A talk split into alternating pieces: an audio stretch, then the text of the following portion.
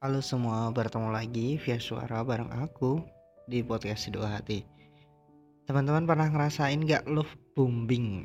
Love bombing, ya teman-teman de dideketin sama seseorang, teman-teman dikasih love bombing yang begitu luar biasa, tapi tiba-tiba dia pergi gitu aja. Tiba-tiba dia ngeghosting teman-teman. Perasaan teman-teman gimana? Mati rasa?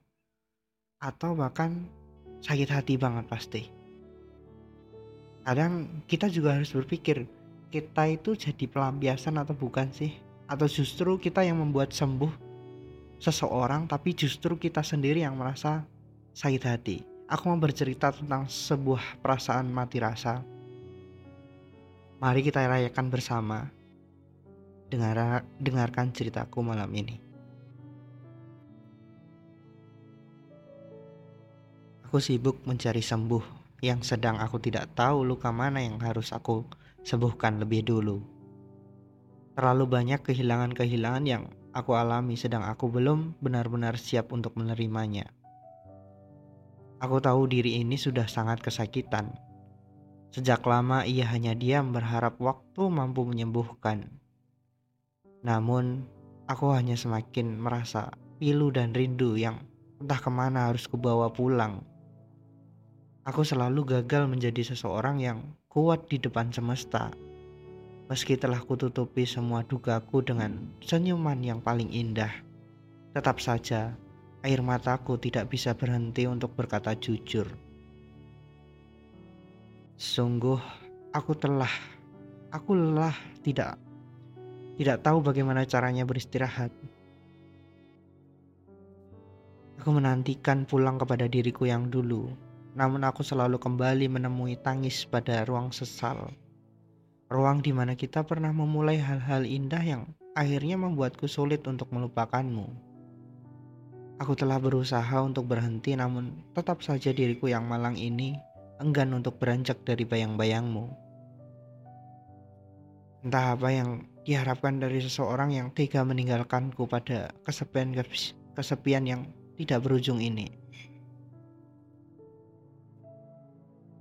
Seseorang yang dengan sengaja menciptakan luka-luka hingga tumbuh menjadi trauma yang panjang. Entah apa yang diharapkan dari seseorang sepertimu yang telah membuatku mati rasa. Barangkali melepaskan seseorang yang kita cintai juga adalah salah satu bagian dari mencintai diri sendiri. Namun meski berulang kali, aku mempercayai bahwa takdir Tuhan akan selalu membawaku pada hal-hal yang lebih indah dari yang aku harapkan. Tetap saja, melepaskanmu adalah salah satu takdir yang tidak mudah untuk disembuhkan. Barangkali, jika ikhlas itu ada, bukankah seharusnya tidak membutuhkan waktu yang lama untuk sekedar melupakan orang yang jahat sepertimu?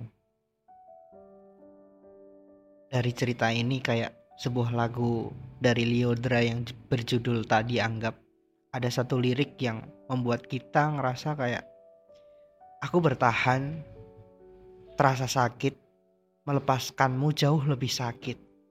Jadi kita di posisi seperti itu mungkin teman-teman banyak sekali hal-hal yang dialami.